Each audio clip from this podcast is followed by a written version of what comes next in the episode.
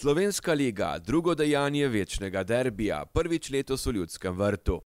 Svetovno nogometno prvenstvo, švedi z italijanskim katenačom šokirali Azure. Osrednja tema: nogometni trener ali trenerka. Gostja Golauta, Nuša Ladinek, trenerka ženskega nogometnega kluba Pomurje. Stave, komu derbi dela kapitale.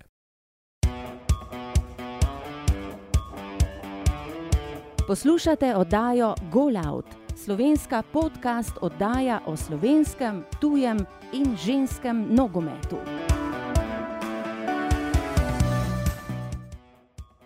Lepo pozdravljeni, ljubitelice in ljubitelji nogometa. Žoga se ponovno znašla v Golautu in že vas lepo pozdravlja oba Marka. Marko, lepo zdrav. Lepo zdrav tebi, lepo zdrav vsem skupaj. In seveda ne bomo tratili časa, gremo kar k aktualnim dogodkom in najprej na slovenske zelenice.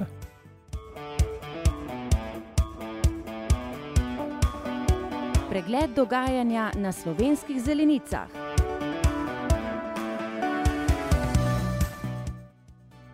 Smo v rubriki slovenskega nogometa in Marko, pred nami je že drugi večni derbi. Prvega so gladko dobili Ljubljančani. Ja, v tem terminu, drugi sicer pa že tretje letos, namreč videli smo že tudi prvega prvenstvenega v Stožicah, ki se je zaključil brez zadetkov, pokalu pa precej, precej boljši Ljubljančani. Čeprav pred tekmo je bilo veliko prahu, pred pokalno tekmo, kako imajo oboji načrte si zagotoviti čim boljšo prednost pred povratno tekmo, ampak po samem srečanju iz Mariborskega tabora prihajajo precej drugačne informacije. Nekako sedaj jim ni bil pokal toliko pomemben, kot so dejali pred tekmo.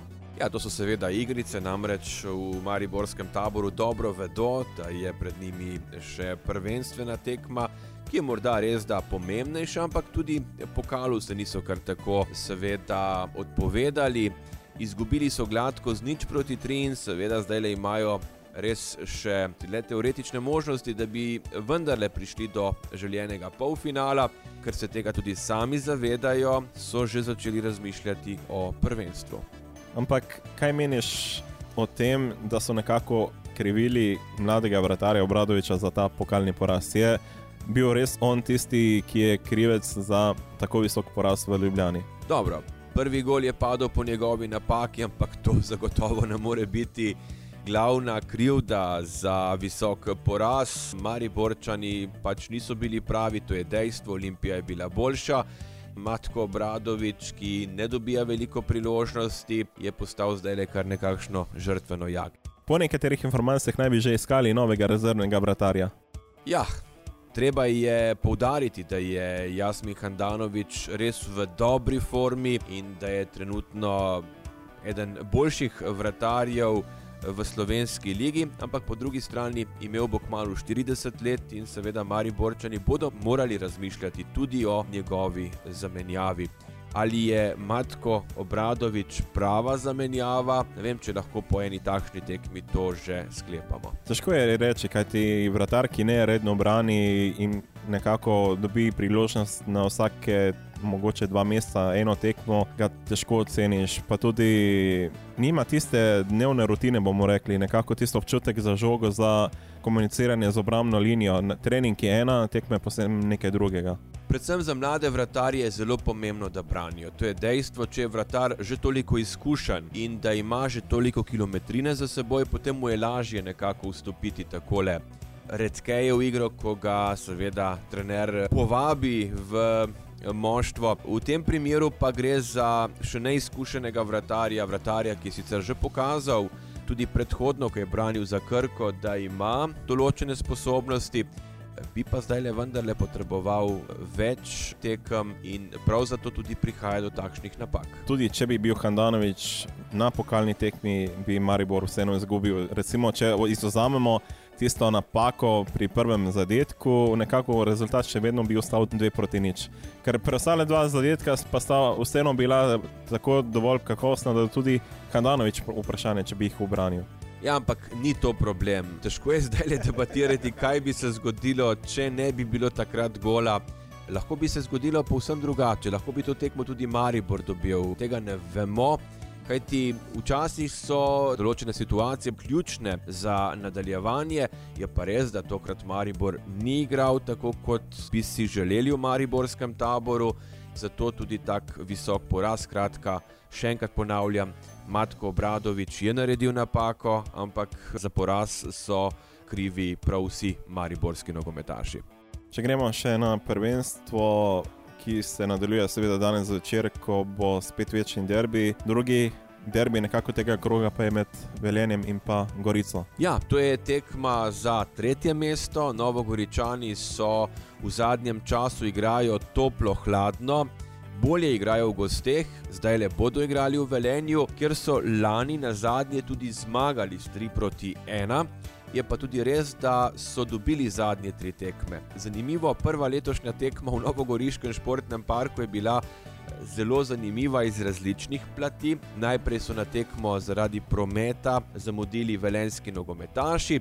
Potem je imel Marjan Pušnik težave s poškodbami, zatem pa so odpovedali celo žarometi, reflektori, tako da se je potem tekma z 20-minutno prekinitvijo nadaljevala in čisto na koncu so Novogoričani prek Andrija Filipoviča dosegli ta zmagoviti gol, pa čeprav so imeli velenčani predtem lepe priložnosti, da bi celo iz Nove Gorice odnesli vse tri točke. Ja, nekako je ta tekma predvsem na boj, bo v igri to tretje mesto, kajti približujemo se tudi koncu jesenskega dela in nekako lepo popotnica potem za spomladi. V primeru zmage enih in drugih bodo imeli lep zimski premor. Če sodimo po igralskem kadru, potem mislim, da na tretje mesto sodijo domžalčani in velike možnosti za to tudi imajo. Kajti zdaj le so vendarle začeli osvajati točke. Je pa res, da bi bila zmaga za ene ali druge na tokratnem derbiju na stadionu ob jezeru še kako pomembna. Novogoričani se bolje znajdejo v gosteh, Nekaj podobnega pa velja tudi za velenčane. Je pa res, da so velenčani na zadnjih dveh tekmah osvojili eno samo točko doma proti Olimpiji, izgubili pa so sosedski derbi v celju. Nekako se je tudi John Mary ustavil po dobrem začetku, sedaj nekako ne najde nasprotnikovih vrat. Mogoče bo prav ta tekma z Gorico tista, ki ga bo spet vrnila. Morda tega si seveda Novogoričani ne želijo, imajo pa Novogoričani v zadnjem obdobju spet eh, kar nekaj težav z realizacijo, še posebej, ko igrajo proti ekipi, ki se brani. Vprašanje je, kako bo igral rudar proti Gorici. Ali bo nekako eh, poizkušal že od samega začetka z napadalno igro, oziroma bo prevzel pobudo ali bo vendarle Marjan Pušnik zaigral nekoliko previdneje. Marjan Pušnik dobro pozna Gorico in ne verjamem, da se bo kar takole spustil v lov za zadetek. Skratka, pričakovati je kar precej taktično tekmo. Če pregledamo še preostale srečanja tega kroga, nekako v Kranju bo derbi spodnjega dela lesice med Kranjem in pa Aluminijem nekako tekma, ki je 50-50, oboje nekako igrajo na toplo-hladno. Brkič po začetnem zagonu ni kaj dosti veliko prenesel sprememb po zamenjavi žlogarjem. Pa je, namreč 3 proti nič je slavil v Novi Gorici. to je bila odmevna zmaga, prva v Novogoriškem športnem parku Krajčana v prvi ligi, kar eh, vendarle nekaj pove. Še posebej dejstvo, da so Krajčani dosegli šele drugič v tem prvenstvu tri gole na tekmi, da je poplatnik spet začel zadevati, skupaj dosegel devet golov. To so vendarle določena dejstva, ki nekaj povedo. Preden nadaljuješ, tudi slepa kura zrno najde, tako da mogoče je to bila tekma, ki lahko prinese boljše predstave, ali pa je bila samo muha enodnevnica tega ne vemo, ampak Triglav je ekipa, ki veliko stavi na obrambo, oziroma se zna braniti, ko je potrebno. Je pa res, da teže dosega gole. Vprašanje je, kako bo na tej tekmi doma proti aluminiju, ali se bo aluminij odprl, ali bo vendarle čakal na proti napade. Aluminij tudi zna presenetiti v gosteh, pa čeprav je boljši na domačem igrišču. Tokrat je v prejšnjem krogu namreč izgubil proti domžalam z nič proti ena. Je pa aluminij ekipa, ki je prav tako nepredvidljiva in kot si sam dejal, tukaj je kar težko napovedati rezultat. Če nadaljujemo, potem še ena tekma nekako iz spodnjega dela, oziroma nekako sredine in spodnjega dela med Ankaranom in pa celjem.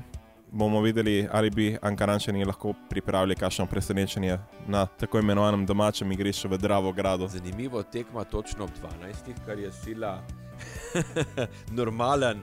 Ne, e, termin za tekme. Bom rekel tako, za ženske zagotovo, kajti mnogo prvgaških ženskih tekem je še uro prej, torej ob 11. Kaj zanimivo bo, ali se bodo celjani podali na tekmo isti dan ali morda že dan prej. Torej. Čeprav imajo blizu do Dravo grada. Da... No ja, ampak vse veš, ne? promet, pa tudi zajtrk je treba pojesti nekoliko konkretneje, da lahko potem tekmo odigraš, šalo na stran. V Dravogradu bomo torej spremljali obračun Ankarančanov in Celjanov. Celjani so nekako, kot se kaže, ujeli pravi ritem, Ankarančani pa nujno potrebujejo zdaj le točke v boju za obstanek. Celjani so favoriti, ampak dejstvo je, da Ankaran Hrvatini tudi zna presenetiti. Skratka, obeta se nam zanimiv obračun. In še zadnje srečanje, domžale Krško, kjer bi po vsej verjetnosti morala zmaga ostati doma, kajti Krško tone vse nižje, domžalčani pa nekako se vračajo v staro formo in tukaj verjetno bi vsak drugi rezultat bil veliko presenečenje. To je res, Slovenska liga je izenačena, Krčani so v nekakšnem prostem padu. Eh, domžalčani se dvigujejo, ampak tudi presenečenja niso izključena. Videli bomo, ali so krčani dobro izkoristili ta eh, premor, 14-dnevni, in eh, vendarle korigirali določene stvari v svoji igri. Videli bomo, ali bo Škrbic spet začel zadevati. Po drugi strani pa domžalčani, kot si dejal, izraziti favoriti na tej tekmi in res vse razen njihove zmage bi pomenilo prvovrstno presenečenje.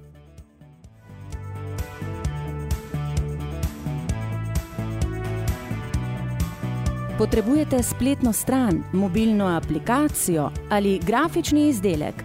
Priporočamo Source Design. Pokličite jih na nič 31 256 991 ali obiščite njihovo spletno stran www.sourcedesign.com.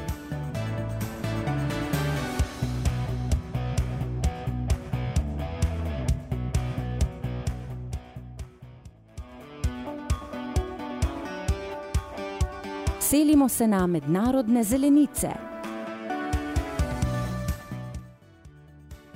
Imamo torej vseh 32 reprezentanc, ki bodo nastopile na Mundialu v Rusiji prihodnje leto.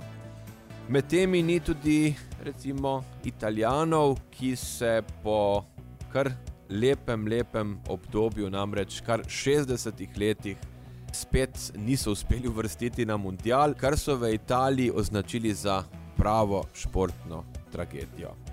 Tvoji švedi so jih izločili, Marko. Ja, moji, čeprav sem bolj slovenec kot šved, ampak dobro. No, no, da ne bo pomote. Živel si na švedskem, za tiste, ki te morda še ne toliko dobro poznajo. In ne na zadnje tudi igral v Malmoju, kjer si živel v mlajših selekcijah in švedski nogomet zelo dobro poznaš. To pa res, nekako švedski nogomet poznam tako dobro kot slovenskega. In seveda, tekma, ki je bila v ponedeljek v Milano, je bila po njihovem scenariju, bomo rekli, kaj ti švedi so nekako z italijanskim receptom prišli do svetovnega prvenstva. Oziroma, tako bomo rekel, pokazali so italijanom, kako se igra katenačo. Točno tako in to na obeh tekmah, tako domači, kot tudi na gostujoči. Lahko bi rekli, da so celo v navednicah z avtogolom prišli do tega mundiala, ampak na koncu koncev zasluženo, kaj ti. S tem se strinjajo tudi italijanski novinarski kolegi, če na dveh tekmah proti kateremu koli nasprotniku ne daš vsaj enega gola, potem si uvrstitve na mundial niti ne zaslužiš.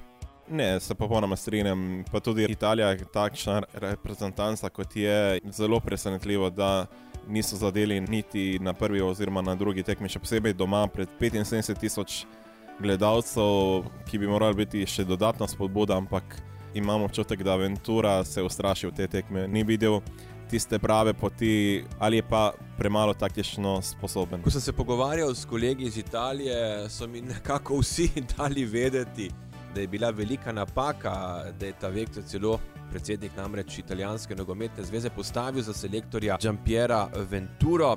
Ki je doslej, mimo grede, največji uspeh dosegal s Torinom, ko je bil, če se ne motim, sedmi in se takrat potem uvrstil tudi v evropsko tekmovanje.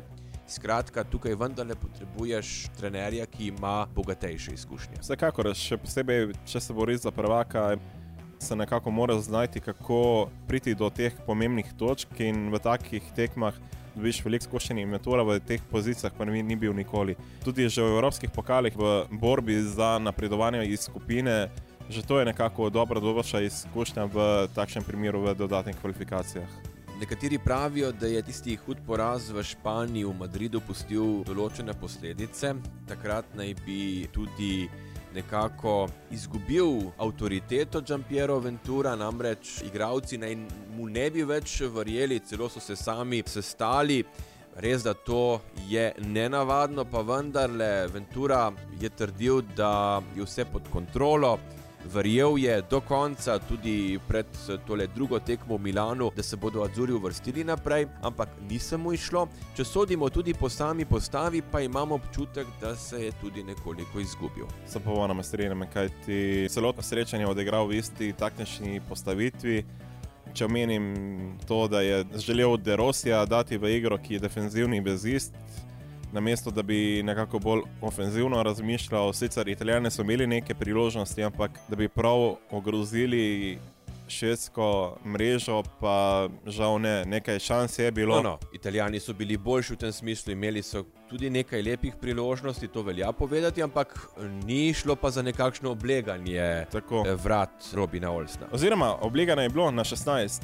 V samem kazenskem prostoru pa ni, nekako do 16 so italijani prišli, ampak tam se pa tudi zaustavilo. Ne? Veš, kaj me tudi čudi, Marko, da so italijani poizkušali s predložki proti dvometrašem v švedski obrambi. Ali ni to nekoliko čudno? To je voda na mlin nasprotniku. Če že v samem štartu veš, da so visoki v obrambi, ne boš igral s predložki, ampak boš prej poskušal po tleh priti do vrata. Ampak še vedno, ne vem, italijani so že od nekdaj bili tudi znani po tem, da ko pride na 16, udarijo proti vratom. Ampak tokrat so se pa sam po balkansko, ja meni ti tebi. Ja, nekako so prepuščali odgovornost svojim igralcem.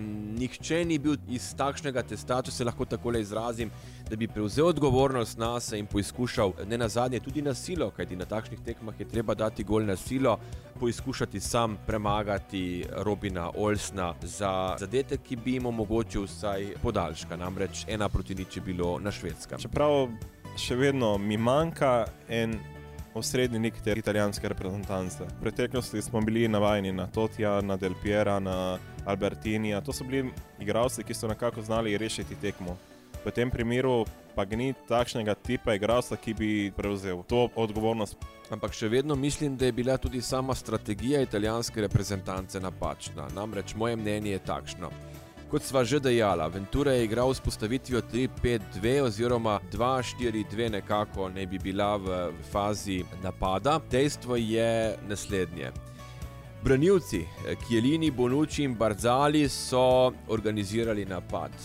Ni bilo pravih idej. Tukaj le bi vendarle italijani potrebovali igralca, ki bi nekako znal stopiti na žogo. Ne? Stopiti na žogo in tudi razigravati igralce. Poizkušal je z Žuržinjem, kar je bila tudi dokaj tvegana poteza, ampak Žuržinje je svoje odigral. Mislim pa, da vseeno bi lahko italijani poizkušali zaigrati že od začetka ofenzivneje. Vedeli smo, da švedi ne bodo kaj prida razmišljali o napadu, tako Ber kot tudi Tojvonen nista bila nevarna. Njihov najboljši igralec Emil Forsberg nekako tudi ni odigral ravno najboljše tekme, vsi so se v glavnem branili. Je pa res, da so bili italijani povsem brez idej in nekako me čudi, da Ventura ni poizkušal recimo z Insigniom, torej igralcem Napolija, ki je v izjemni formi, niti v drugem polčasu mu ni dal priložnosti, res da se Insigne v takšnem sistemu ne znajde najbolje, ampak zakaj recimo ni eh, Ventura poizkušal s tremi napadalci, na poziciji zunanjega napadalca pa bi mu Insigne prišel še kako prav. Jaz se nekako čudim, oziroma mi je bilo nekako presenetljivo, da ni El Šaravi igral že od prve minute. El Šaravi, ko je dobil priložnost, je nekako kar precej poživil igro. Tudi on je bil vendarle premalo. Takšne tekme močnejše reprezentance dobivajo, kot sem dejal, če je potrebno tudi na silo. Treba je dati gol in potem je veliko laže. Potem bi se morali tudi švedi odpreti. Potem tudi švedska obramba ne bi bila več tako zanesljiva in zagotovo, če bi italijani dosegli gol, potem bi to tekmo pripeljali do konca oziroma bi jo zagotovo dobili. Takšno je vsaj moje mnenje. In seveda na obeh straneh so želeli imeti 11 metrov, Sicer kar nekaj priložnosti je bilo za to, ampak španski sodnik se je raje odločil, da jih ne bo piskal, kajti na obeh straneh so bile dve nekako očitni, ampak španski sodnik ni želel tekmo rešiti na takšen način. Antonijo Mateo Laos, torej španski sodnik, bi lahko, po mojem mnenju, dosodil 14 metrov, če karikiram, pa vendarle. Mislim, da sta bili dve nad uh, italijanskima nogometašema, nad Parolom je bil storjen prekršek v prvem polčasu, v drugem tudi nad Drmjanom, vsaj po mojem mnenju, sta bili pa v kazenskem prostoru Azurov dve roki in tudi švedi so bili prikrajšani za 12 metrov. Ampak, če takole naredimo enostavno računico, ne, čeprav vemo, da takšne računice pri nogometu ne moreš delati. Izid bi bil recimo 2 proti 2, če bi bila realizacija 100 odstotna in to italijanom niti najmanj ne bi pomagalo. Potem bi jim tudi gol eh, še ne pomagal do vrstitve na mundial. Šalo na stran, italijani so bili preslabi in švedi, ne glede na to, da so pač igrali bunker, kot temu pravimo, eh, dve tekmi, so si pač zaslužili vstopnico za svetovno prvenstvo v Rusiji. Še ne zadnje, kar bi dodal o tej tekmi, pa je ta gesta De Rosija, ki se je šel celo upravičiti švedom na njihov avtobus za obnašanje navijača, ko so med igranjem šestke himne navijači oziroma gledalci na stadionu celo žvižgali. Ja, Daniele De Rossi se je znova izkazal kot pravi športnik, tokrat ni dobil priložnosti tudi na presenečenje marsikoga, ampak Dejstvo je, da je Derosi bolj defenzivni vezni igralec in zato je pač pred njim dobil priložnost Žoržinjo. Če se nekoliko dotaknemo te njegove geste, res prava gesta. Nekako vsi italijanski nogometaši so bili razočarani nad vedenjem italijanskih navijačev, žvižganje himni katerekoli reprezentance je, mislim, da vsaj nedostojno, če nekaj drugega. Je pa res, da smo si Derosija de zapomnili tudi po gesti v drugem polčasu, ko ga je Ventura poslal na ogrevanje in ko je asistentu italijanskega selektorja dejal, zakaj ravno jaz. Mi potrebujemo napadalce, mi ne ščitimo rezultata, ampak mi moramo doseči gol. Ja, to se ne pogosto zgodi še nemški selektor Joachim Löw je nekako pozdravil to gesto, da je igralec sam pokazal ekipni duh, oziroma tako, je dal ekipo pred seboj. Oziroma, Pred željo, da bi vendarle vstopil na igrišče, čeprav so ga nekateri tudi v italijanskih medijih kritizirali, češ kako si je to dovolil, tega si ne bi smel dovoliti, jaz mu ne zamerim tega. Res, da Morda bi bilo bolj elegantno, če bi bil tiho in odšel na ogrevanje, ampak s tem je hotel povedati, mi tekmo moramo dobiti. Jaz, če sem selektor, mu tega ne bi zameril. Še toliko več, ker kot smo že omenili, gre za defenzivnega igralca. Z njim se zapira, tekma ne odpira. Res je, da ima zadnjo podajo, ki je dobro orodje v napadu, ampak še vedno je to defenzivni igralec to je res. Je pa tudi res, da je igralec, ki ima izkušnje in iz tega vidika bi morda prišel prav v ekipi. Je pa tudi res, da je vprašanje, če bi dobil priložnost, kajti Ventura ga je skoraj poslal na ogrevanje. Vemo pa, da je nekako praksa bila pri Venturi, da je pošiljal po tri igralce na ogrevanje in jih potem takole eh, menjal in se naposled odločil za menjave.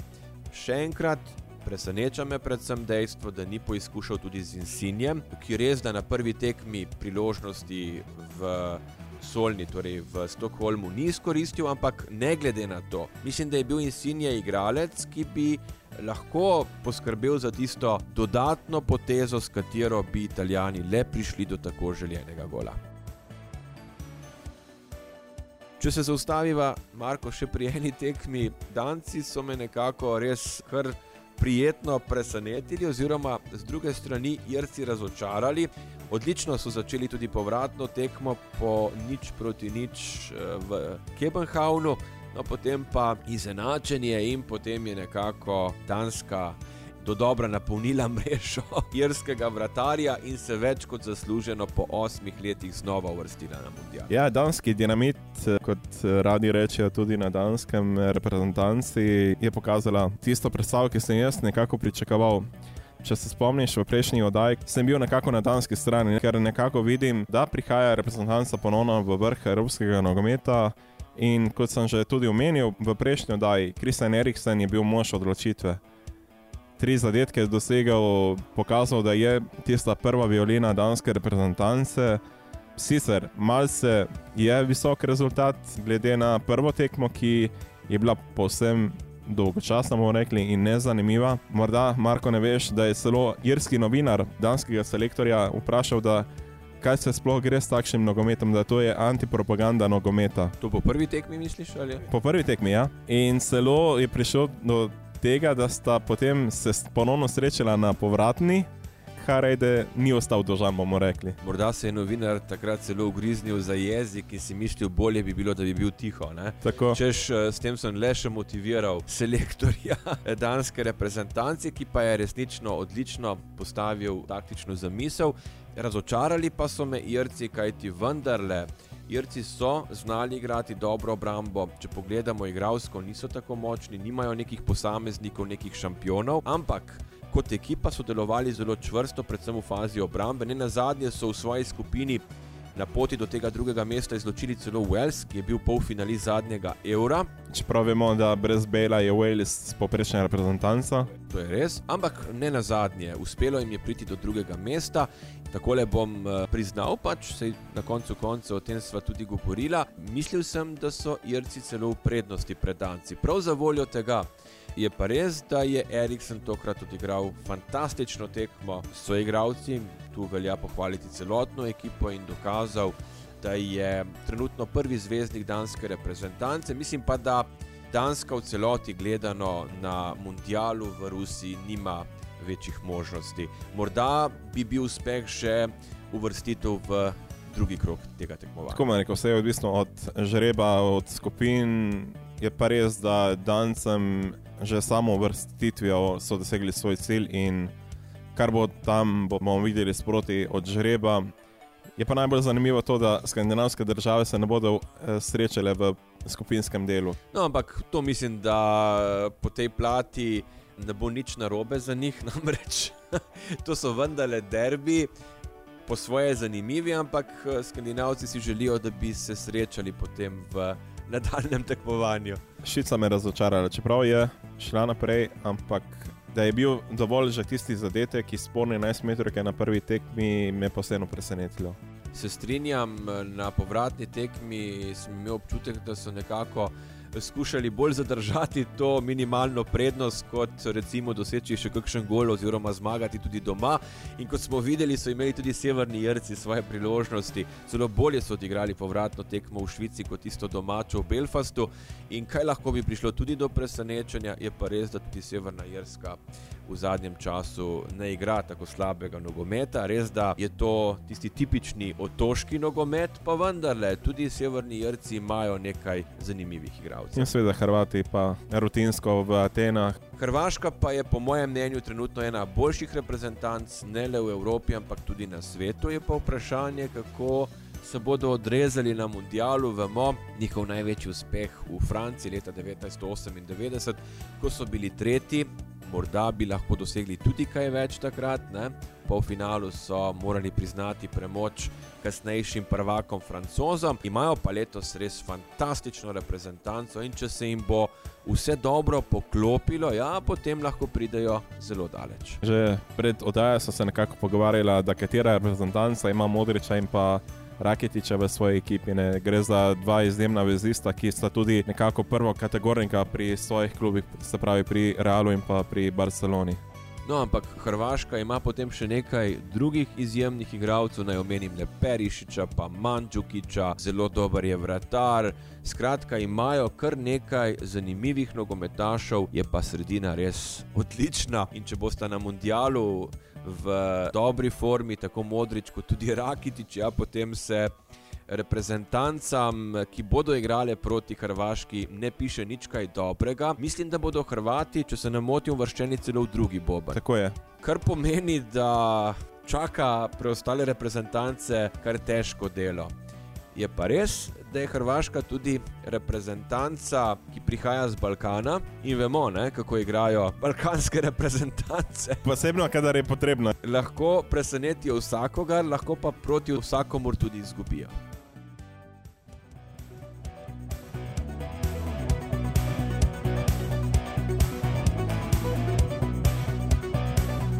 Želite biti na tekočem, kaj se dogaja na Goriškem?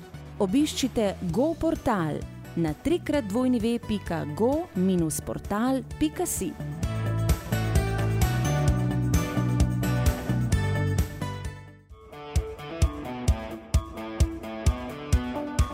Dovolj je moške prevlade, na vrsti je ženski nogomet.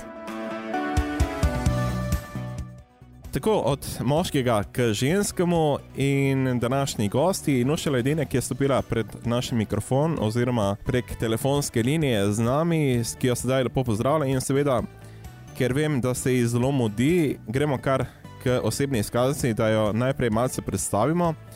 In seveda vem, da se ne spodobi žensko vprašati, ampak vseeno bom vprašal za starost. Stara sem 36 let. Kje se najbolj počutite doma? V prekmurju.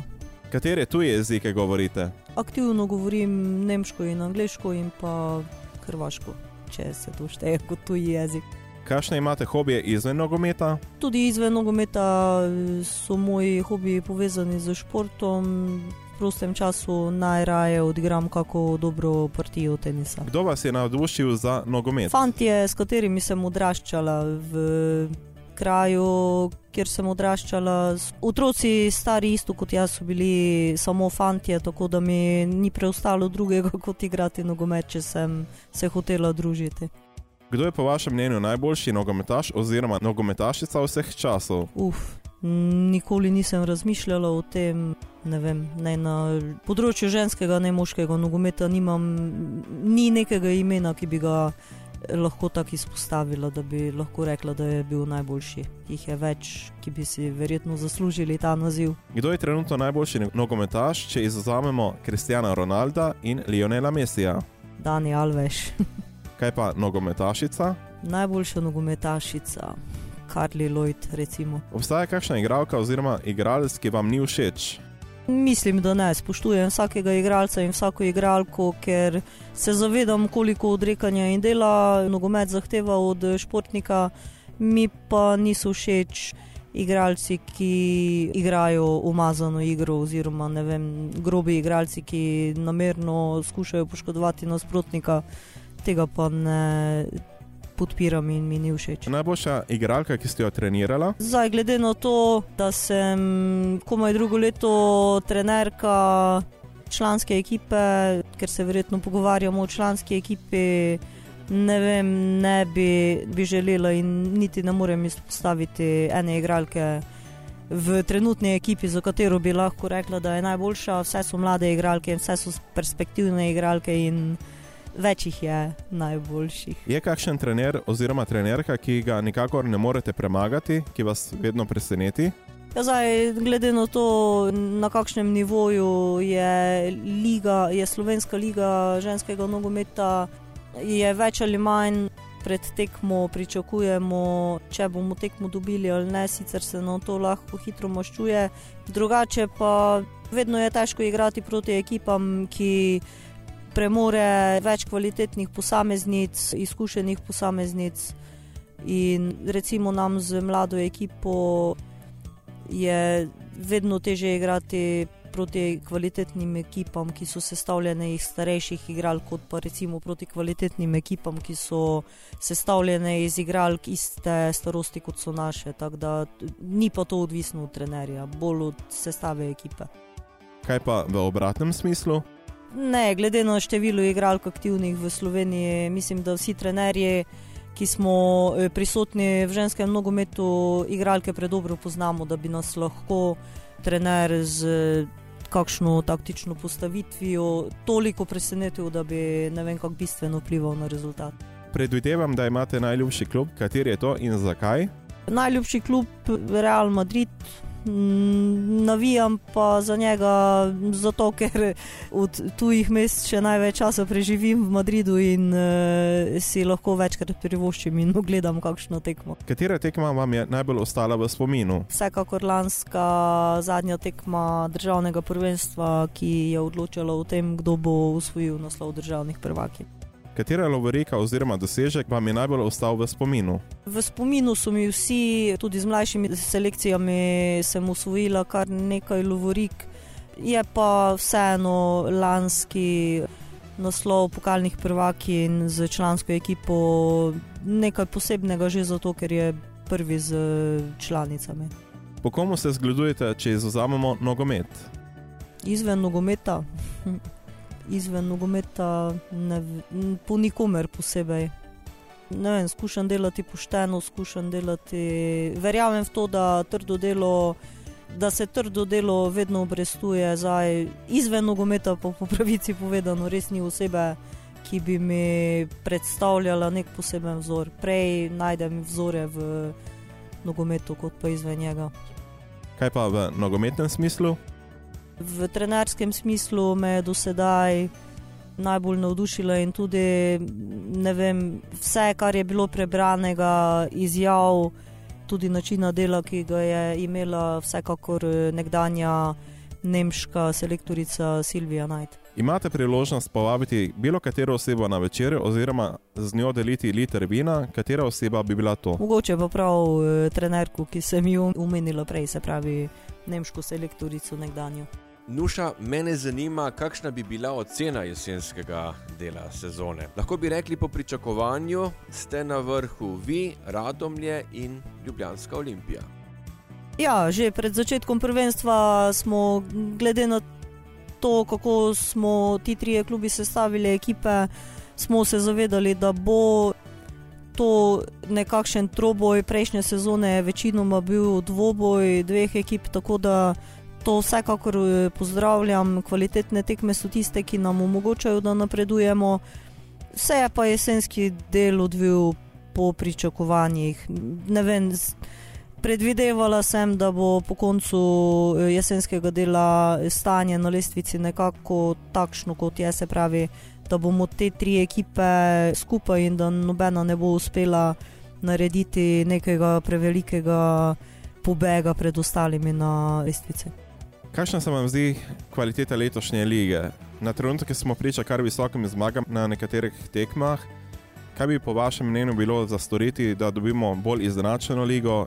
Mogoče v letošnji sezoni, glede na to, da v naši ekipi ni tujk, je posledično tudi, mislim, da v ligi nasploh eh, manj tujih igralk, kot jih je bilo. Igralke v vseh ekipah so mlade. In ne vem, če se bo nadaljevalo z tem delom, če bomo klubi uspeli obdržati te igralke v nogometu, v slovenskem nogometu, mislim, da čez 3-4 leta bo liga vsekakor eh, napredovala in bo močnejša. Kaj storiti, da bi tudi ženski nogomet v Sloveniji dobil večjo veljavo? Se mi zdi, da je to en začaran krok, malo je klubov, liga je neizenačena, kar pomeni, da tudi v veliki meri velika večina tekem, ki jih odigraš na sezono za publiko, niso zanimivi, nismo zanimivi za sponzorje. Vse je povezano z denarjem in če bi recimo vem, nam uspelo dobiti sponzorja ženske lige, ki bi mogoče malo več vložil tudi v promocijo ženskega nogometa, bi, mislim, da bi se ta veriga hitro zbudila in pospešila, in bi z pozornostjo medijev bi se povečala pozornost sponzorjem in posledično mislim, da bi se izboljšalo tudi pogoji dela, ki ga imamo v klubih z mladimi igralkami in težave, s katerimi se vsakodnevno srečujemo, tisti, ki smo v ženskem nogometu. V Evropi je vedno več moških klubov, ki vidijo priložnost v ženskem nogometu. Ne na zadnje je tudi italijanski Juventus pred letošnjo sezono ustanovil svojo ekipo. Pri nas pa zaenkrat temu ni tako. Nekatere ekipe res imajo isto ime, ampak nimajo pa nič skupnega z moško ekipo. Ja, trenutno so klubi, ki sicer nosijo isti ime, ampak moški klubi ne kažejo interesa, da bi se ukvarjali tudi ženskim. Bi ob neki pravilni postavitvi pogojev in pravic, ki jih ima moški klub do ženskega, oziroma moška ekipa do ženske, in obratno, bi vsekakor to vplivalo pozitivno na razvoj nogometa. Najmočnejši klubi prihajajo iz Francije, Nemčije, Anglije, Italije in pa Švedske. Kdaj lahko pričakujemo kakšen slovenski klub, ki se bi redno uvrščal med najboljše 32 ekip v Ligi Prvakin? V primeru dobrega žreba je to možno tudi sedaj. To smo mi eh, nekaj sezon nazaj tudi dokazali, da se da, tudi če ne vem. Si klub eh, iz majhnega kraja v Sloveniji, se da priti med 32 eh, najboljših v Evropi, je pa težko. Je pa zaenkrat mislim, da to še vedno občasni, mogoče lahko pričakujemo, da se bo na nekaj let to zgodilo in uspelo v katerem klubu. Je pa tudi vprašanje, koliko je v interesu kluba na evropskem nivoju sploh dosegati neke rezultate ali je pa interes kluba samo sodelovati in se pač pojaviti v evropskem prostoru. Osrednja tema današnje oddaje je razlika med moškim in ženskim trenerjem. Leta 1999 je Karolina Morače dobila prvo priložnost, da je lahko vodila moško ekipo v italijanski seriji C. Sicer le za kratek čas je vodila Viterbese. Prvo pravo priložnost pa je dobila Helena Costa, portugalka, ki je prevzela vodenje francoskega drugoligaša Clermont, a je zdržala le šest tednov, ker je menila, da gre za bolj amaterski klub in je sama odstopila. Predsednik Miši pa je vseeno ustrajal, da mora voditi ekipo ženska in se odločil za Korino Diakre. Diakreva je ostala kar tri sezone, v teh treh sezonah je osvojila dve 12 mesti in eno sedmo. Prva ženska, ki pa je osvojila prvo Lovoriko, je pa Chan Yueng Ting, ki je z ekipo Eastern postala hongkonški državni prvak in bila tudi prva ženska, ki je vodila kakšno moštvo v azijski različici lige prvakov. V naši oddaji smo pogosto vprašali vaše moške kolege, če bi vodili žensko ekipo, zdaj pa obratno, bi vi vodila moško ekipo? Bi, ja, bi. Ne vem, v življenju si vedno postavljam neke cilje in eden od mojih ciljev je, oziroma želja, bolj kot ciljev, je tudi, da bi enega dneva mogoče vodila moško ekipo, predvsem iz razloga, ker me zanima, kakšna je razlika, ker vsi moški trenerji, ki pridejo v ženski nogomet, razlagajo, da je to čist drugi svet in čist drugi principi. In v bistvu vse, kar ima ta istega, ženski in moški nogomet, so pravila in to, kako izgleda igra, kar se pa tiče pristopa do igralk, do ekipe predvsem tega psihološkega momenta, je pa, kot pravijo, povsem drugo. In eh, nimam sicer izkušen, ampak mislim, da predvsem na tem področju odnosov je delo z žensko ekipo dosti težje, ker vseeno. Smo bolj občutljive in uh, veliko bolj moraš biti pozoren na to, na kakšen način jim uh, poveš svoje mnenje, na kakšen način jim predstavljaš svoje zahteve, ker ena napačna beseda ali pa en napačen stavek te dejansko lahko postavi v neglih zavidanje vreden položaj.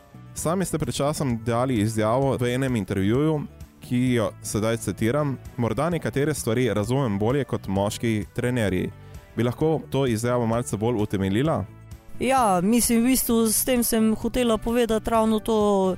Sama sem bila nogometašica, sama sem bila del uh, ekipe in nikoli v tistem času nas nikoli ni trenirala ženska. In spomnim se napak, ki so jih delali trenerji, predvsem v komunikaciji z nami.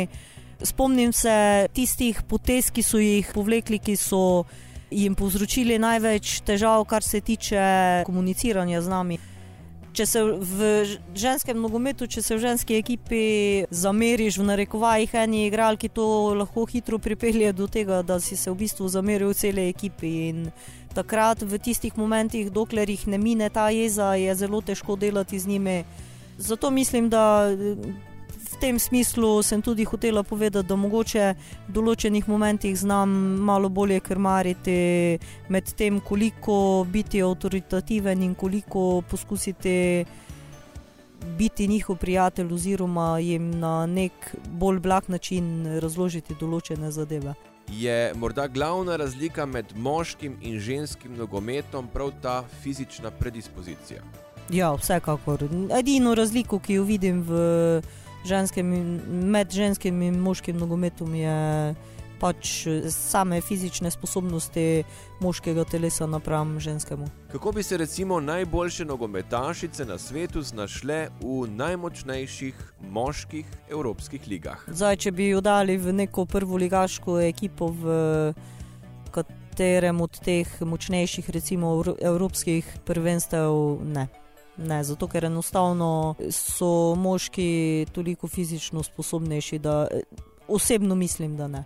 Tudi recimo pri izbiri nasprotnikov na prijateljskih tekmah se trenerji ženskih ekip veliko poslužujemo tega, da igrajo naše članske ekipe s fantovskimi, ampak po mojih izkušnjah tam nekje pri U15 že prihajajo do teh razlik, ko enostavno, ne glede na to, koliko so tehnično močne, koliko razumejo taktične zahteve trenerja, enostavno fizično ne morejo parirati fantom oziroma moškim. Kaj pa, če bi najboljša nogometašica trenutno na svetu, Lika Martins, igrala v Mariboru oziroma pri Olimpiji, bi bila kos slovenski ligi? Mislim, da je. Ja. Kdaj lahko pričakujemo kakšno žensko slovensko reprezentanco na kakšnem velikem tekmovanju? To je še ena od stvari, ki je odvisna v veliki meri tudi od faktorja sreče.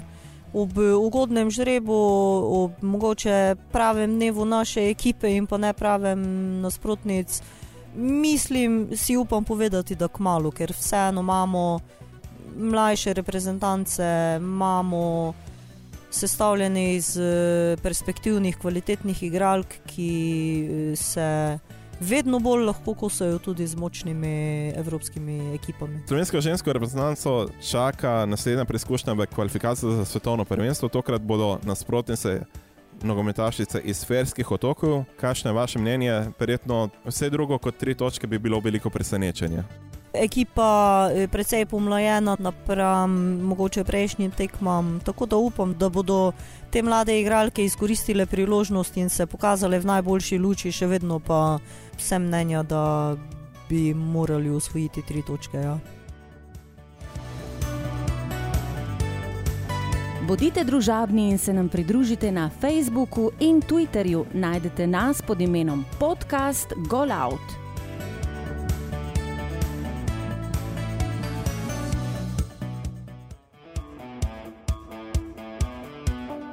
Kdo bo koga. Stavniški dvoboj Marko in Marko.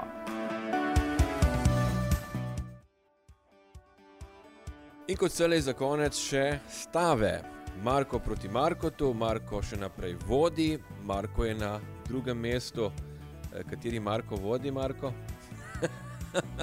Zaenkrat še vedno si v prednosti. In... To sem povišal prednost. Ja, ker za mano je najslabši teden, odkar obstaja Golaut, kajti prvič sem ostal brez dobljene točke, oziroma niti eno tekmo nisem zdel, čeprav na nekaterih sem bil zelo blizu. Vidiš, bunker se vedno ne obrestuje, ne? treba včasih tudi tvegati, ne? šalo na stran, da ne bo. Tokrat so sodnikovi podaljški bili bolj krivi kot bunker. Ravno to sem hotel dodati, da si imel res tudi smolo. Ne na zadnje, tudi pri napovedi rezultata eh, pokalne tekme, pokalnega derbija med Olimpijo in Mariborom ko je Nik Kapun v sodnikovem dodatku preprečil, da bi natančno napovedal rezultat. Ja, pač, tako se zgodi, kaj čemo. Sem bil malce v šali jezen na Kapun, ampak po drugi strani pa rezultat je vseeno bil 3-0 na koncu. Seveda, stave so le igra. In tako naj tudi ostane. Marko, to me zanima, boš ti začel ali jaz, glede na to, da zaostajaš, imaš ti možnost izbire. Ti prepustimo odločitev. Dobro, potem začniti. Torej, za ta vikend imam kar dva derbija in sicer prvi bo že takoj jutri in gre za North London derby med Arsenalom in Tottenhamom. Te tekmi nekako pričakujem, da bodo Spursi bili boljši, kajti so trenutno v boljši formi, pa tudi nekako so prevzeli primat v Londonu med tema dvema kluboma, kajti gre za najstarejši in najbolj prestižni derbi v Londonu, torej Arsenal Tottenham 2. Potem iz Londona v Hoffenheim oziroma v Sinsheim, kjer domuje Hoffenheim, kjer bo gostil Frankfurt in tukaj bo Julian Nagelsmann se veselil zmage. Naj še to omenim, da se veliko govori, da bo prav mogoče Nagelsmann naslednik Heinkesa pri Bayernu, zaenkrat je še vse nekako v povojih. Gre za mladega trenera, ki se vse bolj uveljavlja. In še tretja tekma bo pa v Velenju med Rudarjem in Gorico, tokrat pa stavim, da bo remi. Nuša, vaše napovedi za te tri omenjene tekme? Strinjam, tretjo bi pa rekla isto dva. No, jaz sem si pa za začetek izbral tekmo Slovenske lige, derbi spodnjega dela lestvice v Kranju Triglav Alumini z Markom sva že govorila, da bo ta tekma sila nepredvidljiva, možni so prav vsi rezultati. Jaz bom pa takole stavil na aluminij, moj tip je 2, torej Triglav aluminij 2. Potem sem izbral eh, derbi italijanskega prvenstva na San Paulu, bo Napoli gostil Milan. Mislim, da so sinje modri trenutno v boljši formi, da imajo letos res lepe možnosti, da celo osvojijo naslov italijanskega prvaka stavim na varovance Mauricija Sarija, torej moj tip je ena. Izbral sem še derbi prestolnice Španije v španskem prvenstvu, Atletico Real. Moj tip je nič, torej Jan Oblak, so igravci naj bi torej proti Kristijanu Ronaldu in ostalim zvezdnikom Reala vendarle prišel do točke. Nuša, vaš komentar na te tri tekme? Recimo Napoli, Milan bi rekla dva, Atletico Madrid, Real bi jaz rekla dva. Preostala nam je še tekma Derby Capitale v Italiji. Za vse tiste, ki morda ne veste, gre za derbi med Romo in Palacijem. Bo Rim v soboto razdeljen na rdeče, pa sinje modre, Marko, sedaj pa na žalo rose, oziroma rumeno rdeče in sinje modro-bele, bi lahko dejali. Ali pa lahko bi tudi rekli boj med sinovi Volkulje in pa Orli. Ja, kdo bo boljši, ali Orov ali Volkulja. Ja, tako le bomo rekli. Pričakujem zelo zanimivo tekmo. Roma se dviguje po nekoliko slabšem začetku v smislu same igre, kajti rezultati so bili dokaj dobri že na samem začetku. Če izuzamemo recimo domač poraz proti Interju, Roma je tudi v Ligi Prvako pokazala, da ima dobro ekipo in da lahko tudi letos konkurira za najvišja mesta v italijanski seriji. A je Palacio že od samega začetka nekakšno presenečenje te sezone, tega kampionata. Predvsem imobile bomo rekli. Ja, imobile, ki pa ostaja velik dolžnik v italijanski reprezentanci, za me pa je prvo imelacija trenutno trener. Simone in Zagi, ki je uspel narediti tako zanimivo, dobro ekipo, brez nekih nakupov, oziroma celo izgubil je nekaj igralcev Lacijo. Stavim pa vendarle na tokrat sinje modre in mislim, da bo rezultat 2 proti 3, torej zmaga Lacija s 3 proti 2.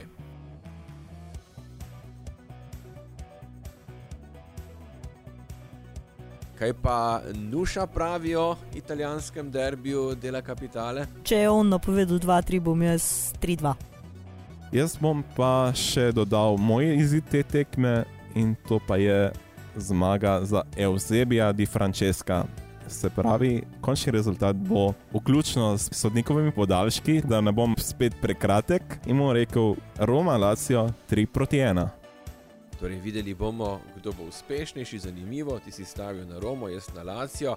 Vsekakor pa si želimo predvsem dobrega, zanimivega derbija in kot pravimo, naj zmaga boljši. Se popolnoma strinjam in v tem trenutku se tudi zahvaljujem naši današnji gosti Nuši. Želim ji obilo zmag in se dobro v njeni trenerski karieri in mogoče se ji tudi uresniči tista njena želja, da bi nekoč vodila moško ekipo. Mi dva z Markom pa seveda se ponovno oglasiva naslednji teden, ko bo žoga spet v Golautu. Do takrat imejte se lepo, uživajte v nogometnih predstavah, tako pred ekranom kot v živo. Pa tudi na igriščih, Marko, kdor, kdor lahko. tako in seveda lepo zdrav do prihodnjič. Lepo zdrav.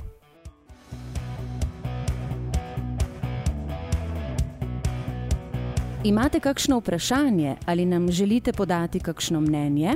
Pišite nam na info.afna.golout.com ali pa preko družabnih omrežij, kjer nas najdete pod imenom podcast Golout.